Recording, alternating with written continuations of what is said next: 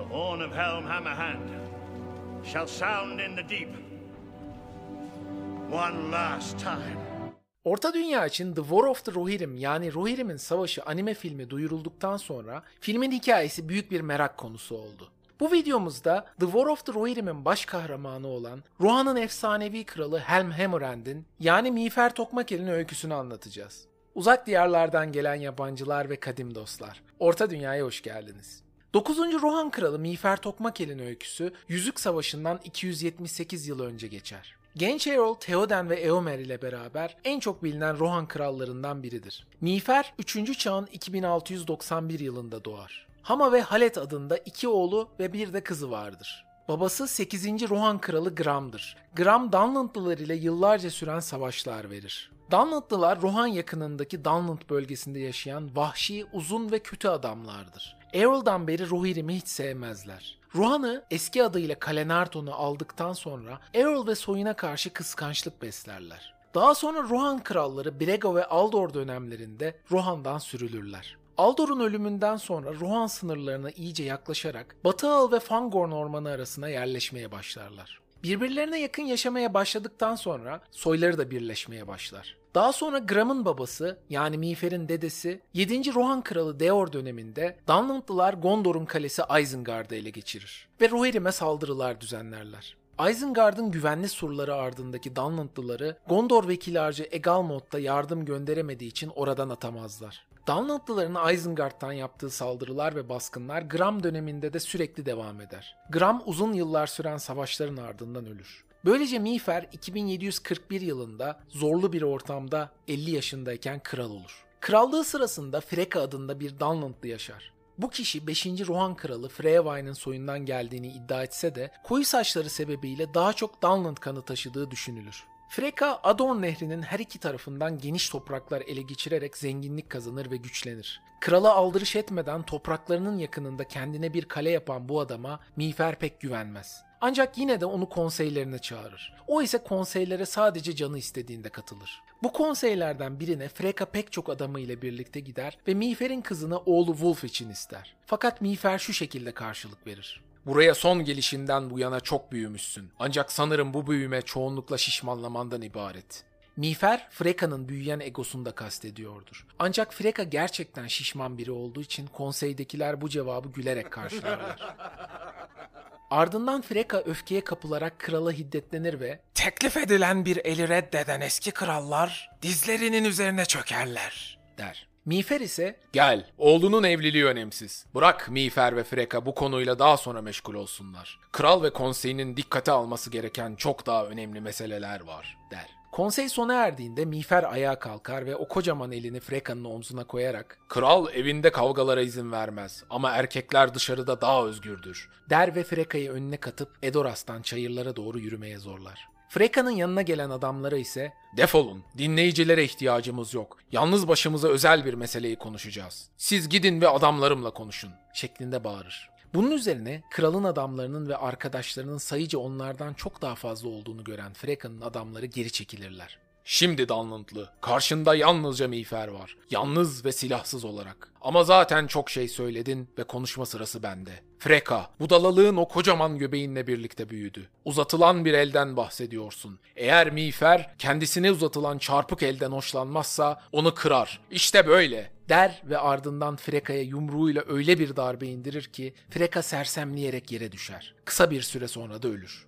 Tokmakel ismi ona bu olaydan sonra verilir. Bu gücü nedeniyle çıplak eli dışında hiç silah taşımadığına dair efsaneler vardır. Miğfer Freka'nın oğlu Wolf'u ve yakınlarını kralın düşmanı ilan eder ve birçok adamını atlı olarak batı hudutlarına doğru gönderir. Bunu duyan Freka'nın oğlu Wolf ve yakınları ise hemen kaçarlar. 4 yıl sonra 2758 yılında Rohan'da büyük sıkıntılar baş gösterir. Ancak Gondor'dan hiç yardım gönderilemez. Korsanların 3 filosu tarafından saldırıya uğrayan Gondor'un tüm kıyılarında savaş vardır. Bu sırada Rohan doğudan tekrar işgal edilir. Bu durumu fırsat olarak gören Dunlandlılar, Aizen nehrini geçip Isengard'dan aşağı doğru inerler. Kısa bir süre sonra liderlerinin Wolf olduğu duyulur. Lefnui ve Aizen sığlıklarına inen Gondor düşmanları da onlara katıldıkları için oldukça güçlü bir orduları vardır. Rohirrim yenilir ve toprakları işgal edilir. Öldürülmeyenler ya da köleleştirilmeyenler dağların vadilerine kaçarlar. Miğfer Tokmakel, Aizen geçitlerinden büyük bir kayıpla geri döner.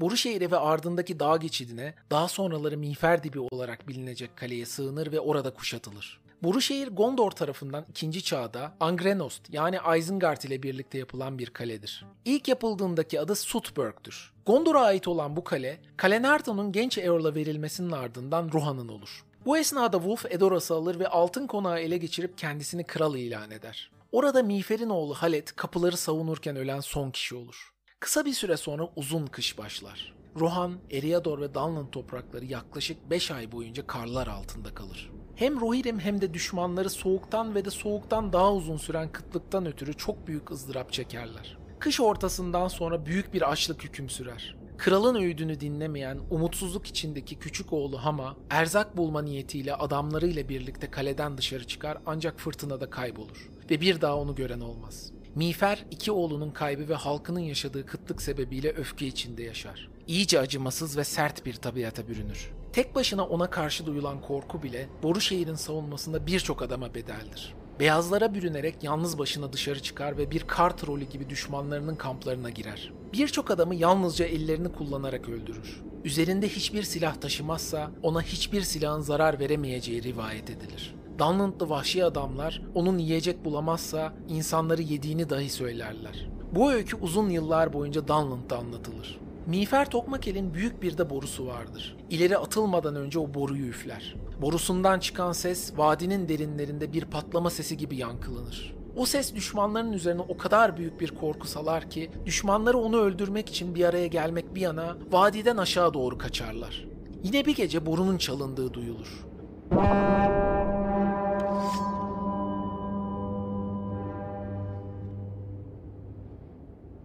Fakat miğfer geri dönmez.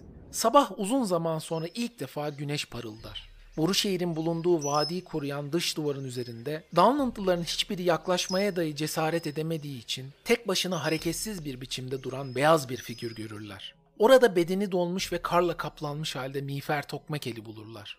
Dizleri bükülmemiş vaziyette dimdik ayakta, gözleri açık ve adeta savaşmaya hazır bir halde göçüp gider Rohan'ın efsanevi kralı. Bu olaylardan sonra Sutburg'un adı Hornburg yani Boru şehir olur. Boru şehrin bulunduğu derin vadide Miğfer Tokmakel'in kuşatmada gösterdiği başarısı ve cesareti nedeniyle Miğfer Dibi adını alır. Yıllar sonra dahi Miğfer'in boru sesinin vadide hala zaman zaman duyulduğu ve hayaletinin Ruhan'ın düşmanları arasında yürüyerek onları korkuyla öldürdüğü anlatılır. Kış geçtikten kısa bir süre sonra Miğfer'in kız kardeşi Hildin oğlu Freyalaf birçok Rohirrim'in sığındığı Danharov'dan iner. Umudunu yitirmiş küçük bir bölükte altın konağa bir baskın düzenler ve Freka oğlu Wolf'u öldürür. Edoras'ı geri almayı başarır. Kar yağışlarının ardından büyük bir taşkın olur. Entsuyu Vadisi uçsuz bucaksız bir bataklığa dönüşür. Bu sebepten doğulu işgalciler ya ölür ya da geri çekilirler. Ve nihayetinde dağların hem doğusu hem de batısından Gondor yardıma gelir. 2759 yılı sona ermeden önce Dunlandlılar Isengard'dan sürülürler. Rohirrim savaş ve kıtlık nedeniyle ciddi biçimde güç kaybetmiş ve zayıflamıştır. Uzun yıllar boyunca Rohan için büyük bir tehlikenin olmaması oldukça iyi olur. Çünkü eski güçlerini 14. Rohan kralı Folkvine zamanına kadar geri kazanamazlar.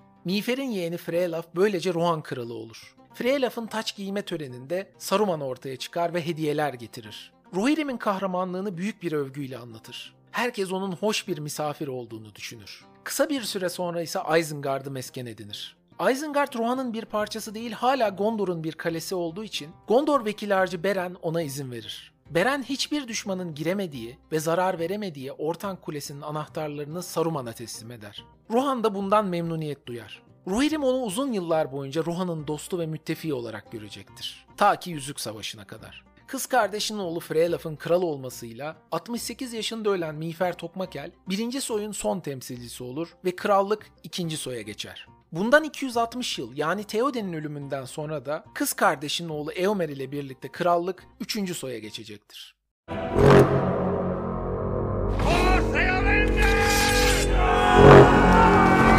Son olarak Miğfer'in bedeni Boru şehirden getirilir ve Edoras'taki 9.